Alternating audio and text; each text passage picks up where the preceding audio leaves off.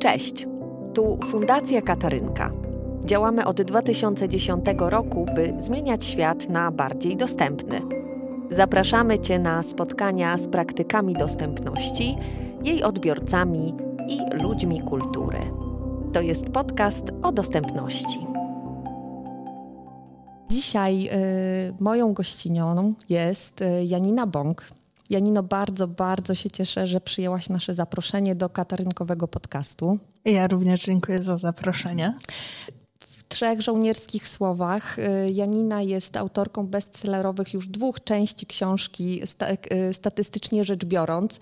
Z pierwsza z podtytułem, czyli ile trzeba zjeść czekolady, żeby dostać Nobla i druga, czyli jak zmierzyć siłę tornada za pomocą gofra. Tak jest, już e, była czekolada, nic nie pasuje do czekolady tak jak gofry, więc e, teraz gofry. My miałyśmy się okazję spotkać rok temu podczas y, Twojego takiego spotkania autorskiego z audiodeskrypcją, otwartego też dla osób z niepełnosprawnością wzroku, kiedy właśnie rozmawiałyśmy o tej e, pierwszej części książki. Tak, i, i, to było cudowne zaproszenie i było, było dla mnie dużym przywilejem, że e, po pierwsze, że przetłumaczyliście moją okładkę, tak żeby była dostępna dla wszystkich, no i właśnie też takie spotkanie z audiodeskrypcją, które trafiało do, do no właśnie, absolutnie każdego, kto był zainteresowany, więc pamiętam to spotkanie w prozie, było, e, było przemiło, pamiętam, że podeszła do mnie też i, i jedna e, pani, taka w wieku mojej babci i opowiadała, że jest emerytowaną nauczycielką matematyki i, i że, że bardzo lubi moje książki i dużo było na tym spotkaniu takiej, takiego dobra i miłości. Dla mnie to też był taki dowód y, na to, że właśnie ta dostępność nie musi wiązać się z jakimiś niebywałymi środkami, nakładami, e, z jakimiś narzędziami, w które trzeba się uzbroić, żeby właśnie otworzyć się i zaprosić wszystkich. I myślę, że trochę też o tym chciałam dzisiaj z Tobą porozmawiać.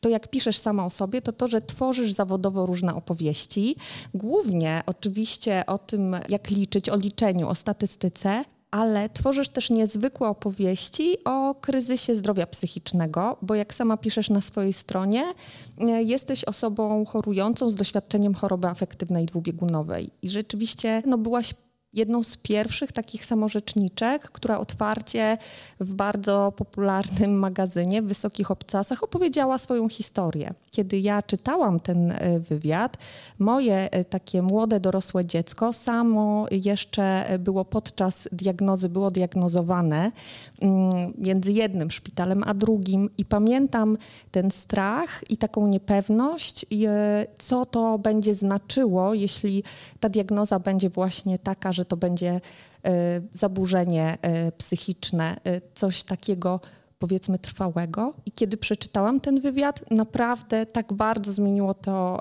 też mój punkt widzenia. Więc za to tak osobiście bardzo dziękuję. Wiesz co, ja również bardzo dziękuję, bo jeśli faktycznie tak było, to, to znaczy, że, że to miało sens, bo udzieliłam tego wywiadu, miałam takie dwa cele w głowie. To znaczy, po pierwsze, pokazać, że choroby psychiczne, zaburzenia, trudności psychiczne, jakkolwiek to nazwiemy, są demokratyczne i że tak naprawdę mogą się przytrafić absolutnie każdemu, i że ich nie widać. I to, to jest bardzo ważna informacja, bo ponieważ ich nie widać, to musimy być bardzo uważni i na drugiego człowieka, i na siebie samych, na, na wszelkie zmiany w naszych e, emocjach, zachowaniu, postrzeganiu świata. Więc z jednej strony chciałam pokazać, hej, nigdy nie wiesz, gdzie boli osobę po drugiej stronie e, co się kryje pod jej uśmiechem, żartami albo no, długimi rękawami. Tutaj mam na myśli blizny po samookaleczeniach. Ale z drugiej strony też właśnie chciałam dać trochę nadziei, w sensie mm, rozumiem, jak wiele osób boi się diagnozy swojej lub bliskich e, i chciałam pokazać, że e, przy odpowiednim leczeniu jest nadzieja, że można prowadzić wysokiej jakości e, dobre życie i założyć rodzinę. I nie jest tak, jak często się nas przedstawia w, w mediach, w kryminałach, w filmach, e, że choroba psychiczna od razu dezorganizuje nasze życie, życie naszych bliskich, a w ogóle to rozbieramy się i nago tańczymy w deszczu i atakujemy ludzi na ulicy nożem, e, że ten stereotypowy obraz osoby chorującej psychicznie może wyglądać zupełnie inaczej. Mhm. Ja też sobie myślę, y, jak o tym mówisz, o tej nadziei, y, że tak naprawdę to jeszcze jest taka rzecz do przeprocesowania według mnie też w szpitalach wśród lekarzy, bo pamiętam to zdarzenie, kiedy już e, dostaliśmy diagnozę e, zaburzenia osobowości czy źle rozwijającej się osobowości, to e, taki sygnał przyszedł ze szpitala, że właściwie to że lekarze rozkładają ręce i no, trudno powiedzieć, co robić, i że to jest beznadziejne, e, w cudzysłowie, zaburzenie do e, leczenia jakiejkolwiek terapii. I to też było dla mnie szokujące, bo oczywiście potem, jak zaczęłam, zaczęliśmy e, trochę głębiej szukać, no to jednak to nie jest prawda cała. Nie jest, nie, nie, nie, nie. Faktycznie tutaj potrzebujemy mobilizacji też właśnie środowiska lekarskiego. Ja z, oczywiście trafiłam na, na wspaniałych lekarzy różnych specjalizacji również, ale e, widzę takie dwa główne problemy w tym środowisku. Pierwszy jest taki, że um, no mam 60 blizn po samookaleczeniach i to w miejscu, w których trudno je przegapić, czyli na przedramionach. I mam 35 lat, mam te blizny od lat no mniej więcej 20 i przez te 20 lat raz się zdarzyło, żeby lekarz lub pielęgniarka widząc moje blizny, spytała, czy jestem pod opieką i czy jestem leczona.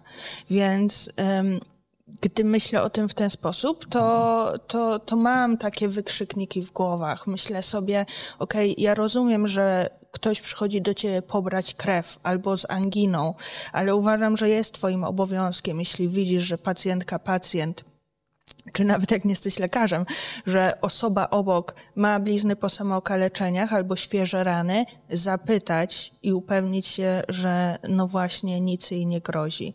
Więc to jest jedna sprawa, że, że życzyłabym sobie większej uważności, zwłaszcza właśnie w tym środowisku. No nie ukrywam, że wymagam od, od środowiska medycznego więcej w tym względzie. A z drugiej strony, tak, mamy dużo do zrobienia w, w, w, kontekście również stygmatyzacji u lekarzy.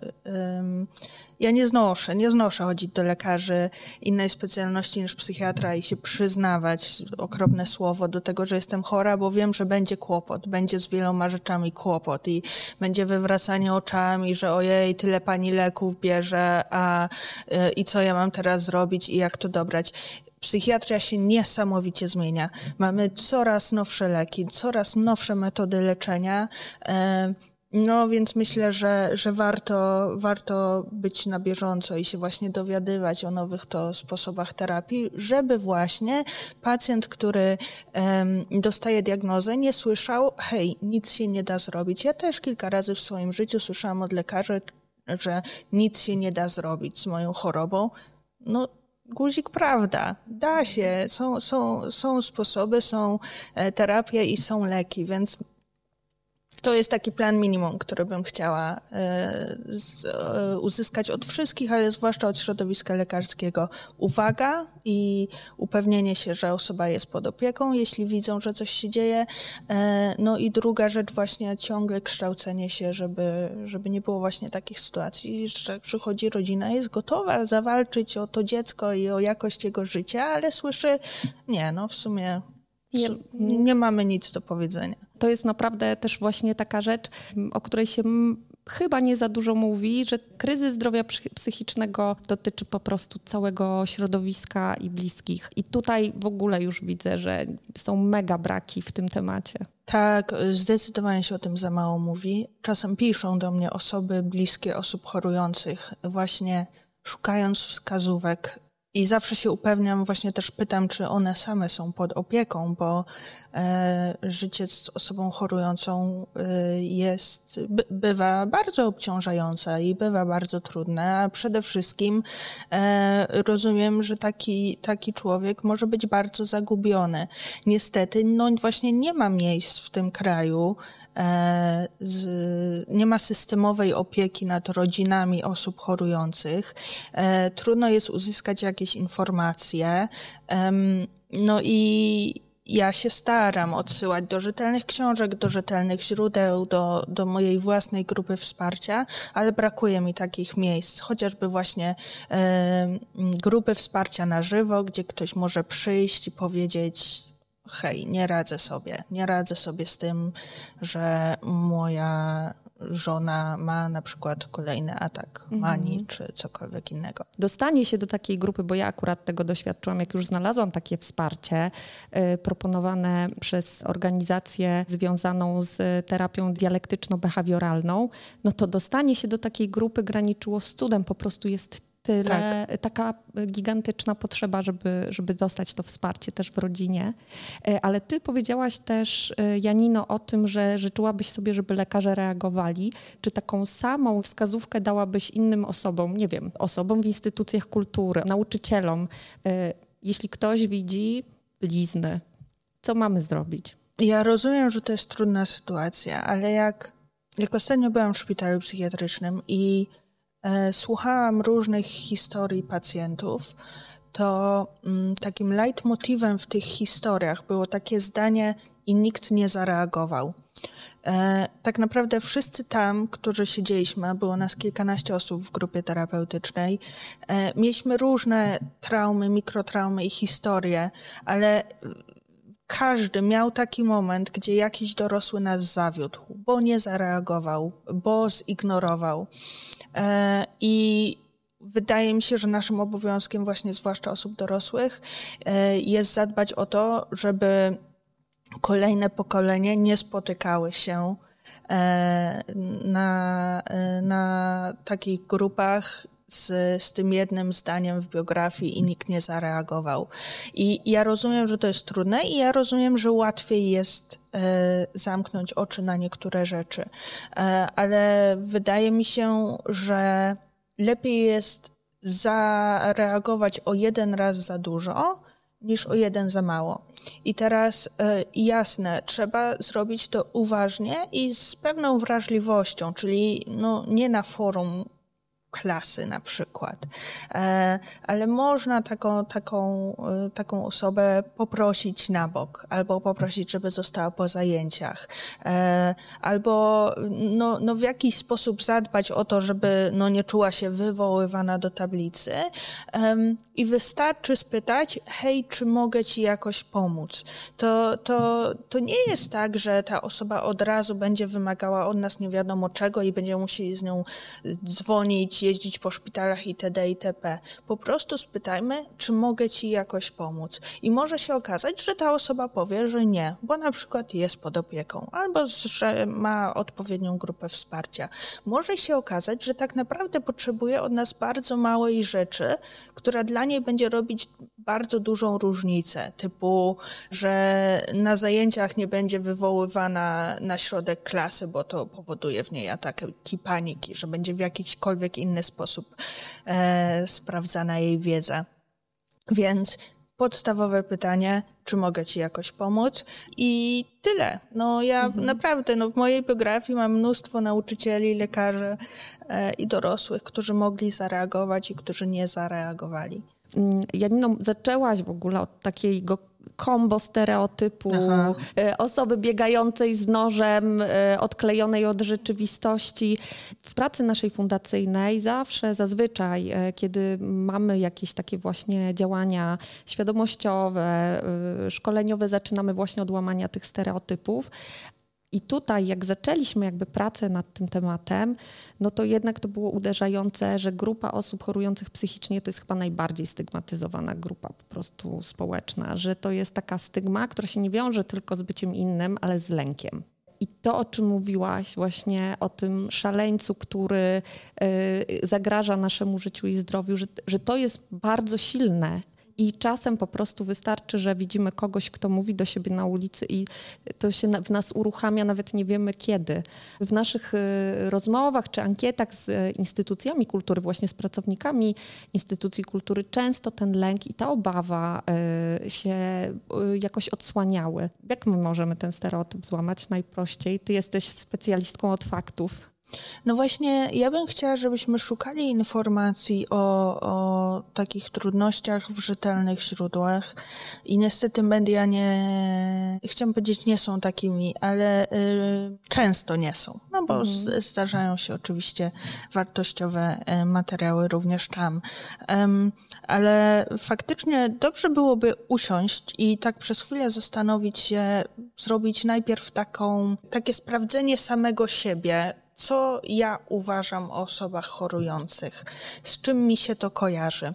Bo teraz tak, oczywiście, że są takie objawy chorobowe, które powodują na przykład derealizację czy słyszenie głosów.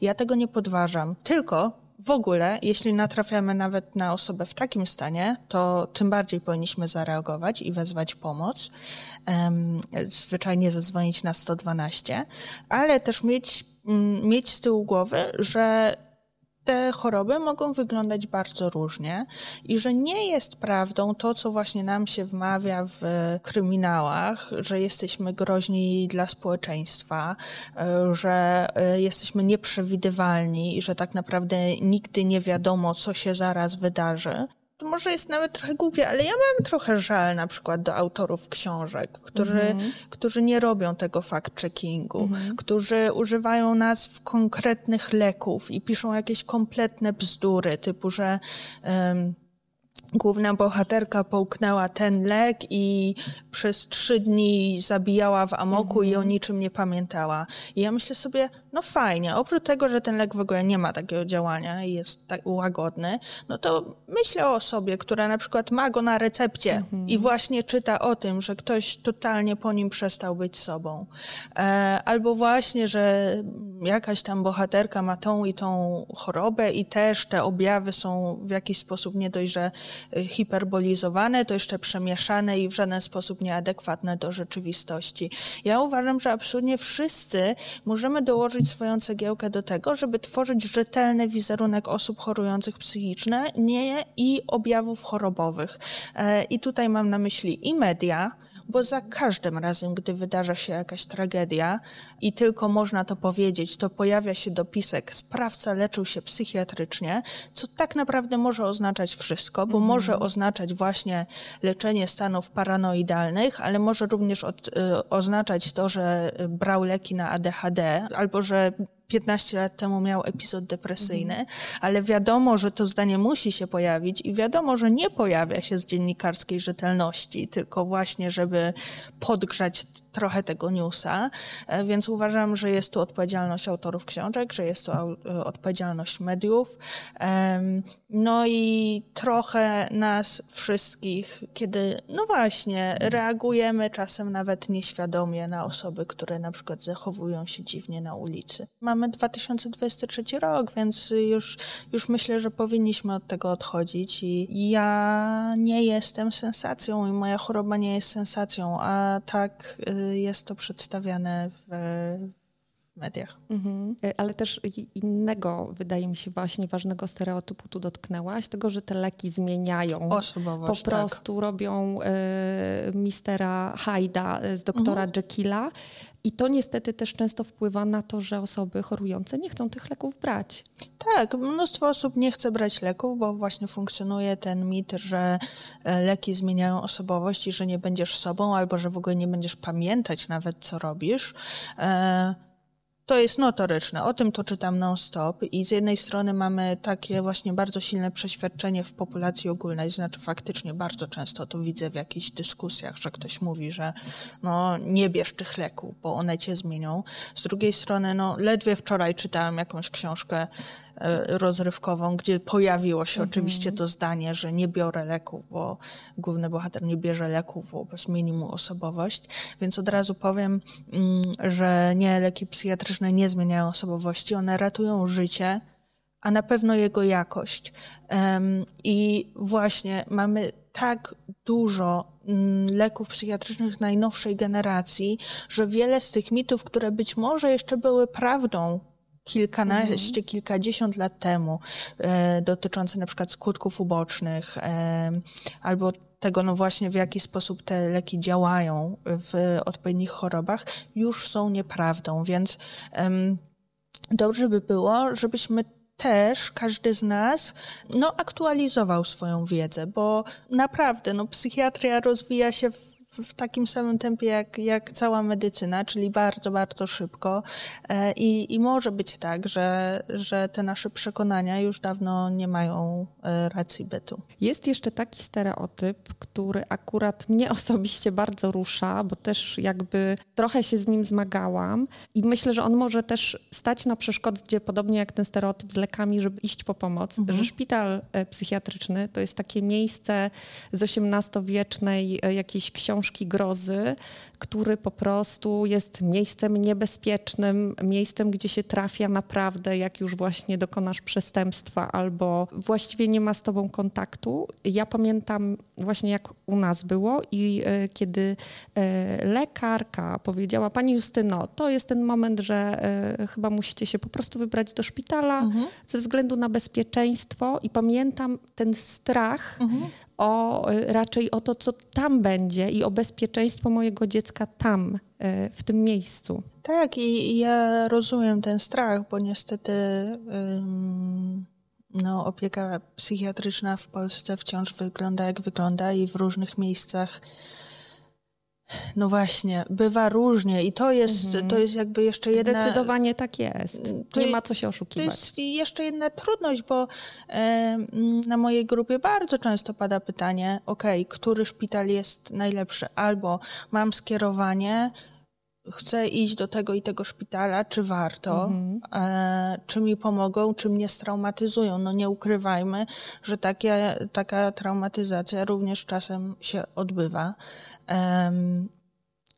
Ale ale w, w, takim idealnym świecie, w takich dobrych e, placówkach, które, które też szczęśliwie mamy w, w tym kraju, e, to ja tak samo traktuję szpital jak leki, że on po prostu ratuje życie, pozwala po prostu odpocząć i jest taką bardzo bezpieczną opcją zarówno czasem dla osoby chorującej, jak i dla osób bliskich. Więc jeśli ktoś ze słuchających nas faktycznie dostał takie skierowanie lub jego mm. osoba bliska ma skierowanie, e, namawiam do tego, żeby zrobić research, żeby tak. faktycznie sprawdzić, która placówka jest, y, jest dobra i naprawdę zapewnia tę, ten, tę pomoc i zaplecze i medyczne, i terapeutyczne, więc ten research musi zostać zrobiony niestety. Nie możemy wierzyć na słowo, że, że wszystkie szpitale w tym kraju działają.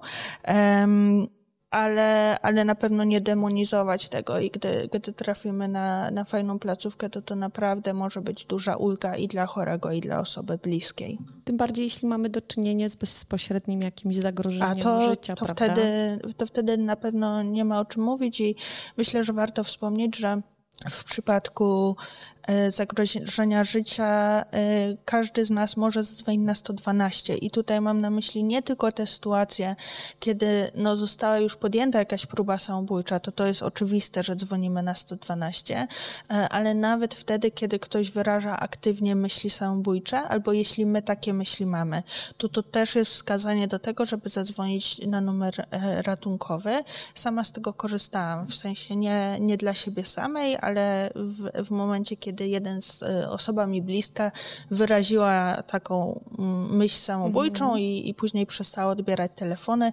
zadzwoniłam na 112 i muszę przyznać, że y, ta ekipa zadziałała wzorcowo, bo y, została wysłana policja do jego domu, sprawdzili, czy on tam jest, nie było go, ale y, więc jeździli po okolicy, później została wezwana karetka. Wszystko skończyło się dobrze, ale e, właśnie myślę, że warto pamiętać, że ten numer 112 jest, e, powinien być też w użyciu wtedy, kiedy no właśnie ktoś ma po prostu aktywne myśli e, jak również istnieją psychiatryczne SORy, tak zwane, mhm. czyli e, takie oddziały ratunkowe, gdzie w, w momencie, kiedy jest bardzo źle, można pojechać albo przywieźć taką osobę i gdzie całodobowo można uzyskać pomoc e, awaryjną, że tak to ujmę. I tu chyba jest ta sama zasada, o której mówiłaś e, wcześniej. Po prostu warto oraz za dużo pomóc komuś, niż potem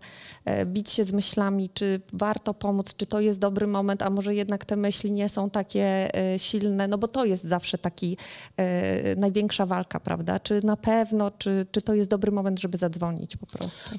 Tak, no wiadomo, że nie wiem, jeśli ktoś w rozmowie nagle powie, ja się zabiję, bo mam, po prostu funkcjonuje taka fraza i, i już, no to nie, nie znaczy, że od razu jedziemy na psychiatryczny SOR, ale generalnie warto mieć taką uważność, zwłaszcza jeśli wiemy, że ktoś właśnie ma jakieś, e, jakieś problemy e, i albo zaoferować pomoc pod tytułem zadzwonię, umówię cię do lekarza, na jakąś tam normalną wizytę, albo właśnie w przypadkach skrajnych e, korzystać z tych takich form e, awaryjnych. Hmm? Janino, a ty e, kiedy zaczęłaś mówić o swoim doświadczeniu chorowania, ty spotkałaś się z, jakim, z, jakąś formą stygmatyzacji? Czy to była rzecz, której się obawiałaś jakoś, jak zostaniesz oceniona? Widzisz to, że ta stygmatyzacja dotyczy każdego tak naprawdę, kto przyznaje się do, e, do chorowania czy do doświadczenia kryzysu? Wiesz co, y, na pewno dostałam bardzo dużo miłości. To, to, to chciałabym mm, od tego zacząć, bo, bo taka jest prawda, że dostałam bardzo dużo wsparcia i miłości um, od, od osób um, głównie internetowych. Um, ale tak, zdarzały się pojedyncze wiadomości, które bardzo, bardzo trafnie pokazywało, jak wiele jeszcze musimy się nauczyć. To właśnie były takie stereotypowe, typu, e, że jeśli mam pracę i dobrze zarabiam, a wciąż jestem chora, to znaczy, że jestem nieudacznikiem. No nie, no pieniądze jasne pomagają, zwłaszcza w tym kraju w leczeniu, bo mamy wtedy dostęp do prywatnej opieki medycznej i y, leków, ale nie leczą magicznie. To nie jest takie proste. To by było wspaniałe, gdybyśmy mogli po prostu każdej osobie chorującej dać stówę mm -hmm. i to mhm. magicznie leczyło, ale nie leczy. Było dużo takich, znaczy dużo, dużo z tych głosów E, negatywnych. E, takich głosów właśnie, że powinnyś, takie osoby powinny być wyeliminowane ze społeczeństwa. Niestety wciąż e, taka, takie myśli w niektórych głowach się pojawiają. No, wygląda na to, że to jest jedna z kolejnych grup w tym kraju, która chcielibyśmy wy, wyeliminować. Znaczy nie my, ale są osoby, które chcieliby usunąć z widoku publicznego. Mm, I ja czytałam te komentarze, one mnie w żaden sposób nie bolały. Ja je nawet przez chwilę publikowałam u siebie. Nie bolały mnie, bo już jestem w takim miejscu, e, że po pierwsze kto miał mnie już skrzywdzić, to mnie skrzywdził. Co miałam usłyszeć, jakie słowo miało mnie zranić, to mnie już zraniło. Mam po prostu zbyt dużo lat doświadczenia w tym wszystkim. No i też e, zdecydowałam się udzielić tego wywiadu w takim momencie, kiedy już wiedziałam właśnie, że to jest bezpieczne, że cokolwiek o sobie usłyszę, to to mnie nie zaboli. E, więc ja publikowałam te, te, e, te obrzydliwe i takie no, właśnie stereotypowe komentarze e, u siebie, e, żeby właśnie pokazać, hej, jak wiele jeszcze mam do zrozumienia, e, do zrobienia, a w sumie do zrozumienia też, um, ale w pewnym momencie przestałam, bo, bo uświadomiłam sobie, że dobra, mnie one nie bolą, ale być może czyta mnie ktoś, kto jeszcze jest w innym miejscu i, i, i go mogą zranić. Um, więc ja osobiście wiem, że już jestem um, uprzywilejowana o tyle, że jestem odporna na już, wszystko, co mi się mogło przydarzyć, mi się przydarzyło już, tak mi się wydaje. Ale właśnie skoro mówimy o słowach, to chciałam zahaczyć jeszcze o temat języka. Język inkluzywny bardzo teraz to jest jakby rzecz, która się, język się zmienia pod tym względem, prawda? E, jak powinniśmy mówić o kryzysie psychicznym, o chorobie psychicznej, e, żeby nie mm, wykluczać, żeby to był język inkluzywny według Ciebie?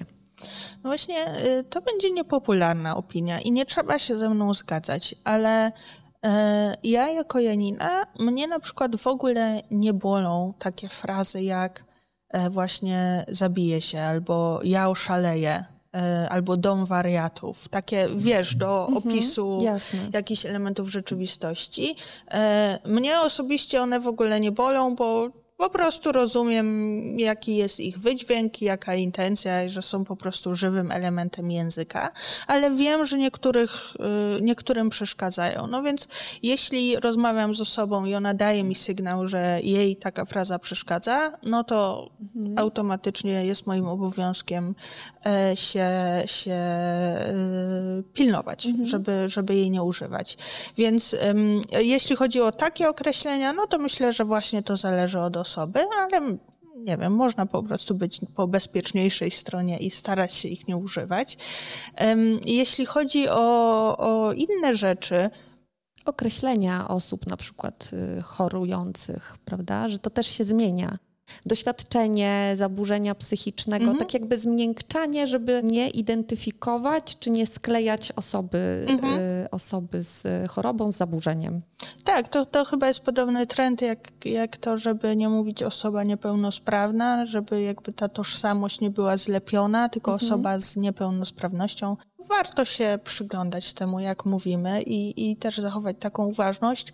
E, I mam tu na myśli również siebie, bo właśnie, no, mamy, mamy zakorzenione w języku mnóstwo takich fraz, które, które mają e, zupełnie neutralne intencje, ale kogoś mogą krzywdzić. I moja zasada jest taka, że jeśli ktoś wyraża jakieś życzenie, żeby, nie wiem, zwracać się do niego w określony sposób, określonym zaimkiem, e, albo żeby nie zwracać się w jakiś sposób, nie używać jakiejś frazy, e, no to ja to po prostu muszę uszanować. I, i szczerze mówiąc, bardzo złości mnie to, gdy ktoś nie szanuje. W sensie, gdy ktoś y, y, słyszy jakąś prośbę typu używaj takiego i takiego zaimka i ją ignoruje. Mhm. A dlaczego złości? A dlatego, że to jest taka mikrorzecz to mnie nic nie kosztuje, żeby użyć takiego zaimka, mhm. żeby dodać to z chorobą, a nie mhm. chora. Mhm. E, to jest taka mała zmiana, która dla tego drugiego człowieka może mieć naprawdę, naprawdę duże znaczenie. Więc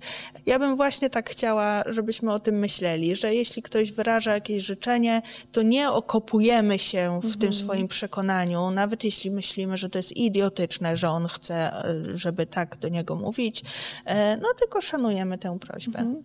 I jeszcze na koniec chciałam się zapytać Ciebie o taką rzecz, bo my zajmujemy się dostępnością, czyli myślimy o nie wiem, usługach, o rozrywce, kulturze, przestrzeni, jako takiej miejscu, które my jako, nie wiem, społeczeństwo możemy na nie tak zadziałać, żeby było zapraszające dla wszystkich.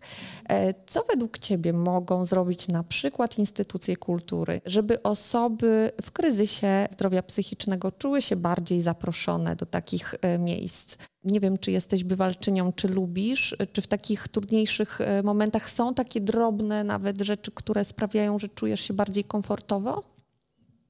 Wiesz co? Um, chyba nie, bo chyba jestem bardzo zero-jedynkowa, czyli po prostu w takich trudniejszych momentach nie chcę wychodzić z domu. Ale jeśli chodzi o dostępność instytucji kultury, Mm, to na przykład bardzo doceniam wszystkie instytucje, które, które dbają o neuroróżnorodność, czyli na przykład mają seanse dla osób ze spektrum autyzmu, czy po prostu osób, którym przeszkadzają głośne dźwięki i ten dźwięk jest trochę ściszony. Mm, wszelkie inicjatywy, kiedy te, ta przestrzeń jest wykorzystywana, na przykład przestrzeń kinowa, właśnie nie tylko do pokazu filmu, ale na przykład do pokazu filmu i dyskusji tematycznej, kiedy są zapraszane zapraszani goście, więc myślę, że głównie upatruję rolę instytucji kultury jako, jako kolejne medium, które właśnie może nieść dalej w świat e, tą taką myśl, że no, świat jest zbiorem klocków o różnych kształtach i kolorach. E, każdy jest tak samo ważny, tak samo potrzebny, a naszym obowiązkiem jest zadbać o to, żeby, żeby wszystkim było w tym, w tym świecie dobrze. E, no i właśnie wszelkie inicjatywy, które, które szanują to, jak, jak różnie czasem odbieramy świat, są zawsze bardzo mhm. cenne. E, wydaje mi się, że akurat przyjazne warunki sensoryczne dla osób w, różnych kryzysach są super. Tak, tak. Ja, mhm. ja, ja też korzystam. Czasem korzystam z seansów w ciągu dnia, bo, bo jestem znacznie mniej ludzi, tam wiesz, o, o 10 rano, e, więc e, myślę, że każdy może znaleźć coś dla siebie w trudnych chwilach. Jakiś czas temu też rozmawiałam z Joanną Okuniewską, mhm. podcasterką tu Okuniewska i ona też fajną rzecz powiedziała. Ona y, mówi otwarcie o tym, że choruje, chorowała na depresję i y, mówiła o tym, że według niej bilety do muzeum na przykład spokojnie NFZ mogłoby finansować, bo to jest świetna forma po prostu wracania do takiego y, życia i tak naprawdę ta kultura ma taką funkcję, dba o nasz dobrostan, a nie musimy też, y, nie wiem, my jako twórcy czy kadry kultury być terapeutami przecież. Nie no, oczywiście, że nie musimy być. Była noc muzeów. E, uwielbiam patrzeć, jak duże kolejki są do tych wszystkich muzeów.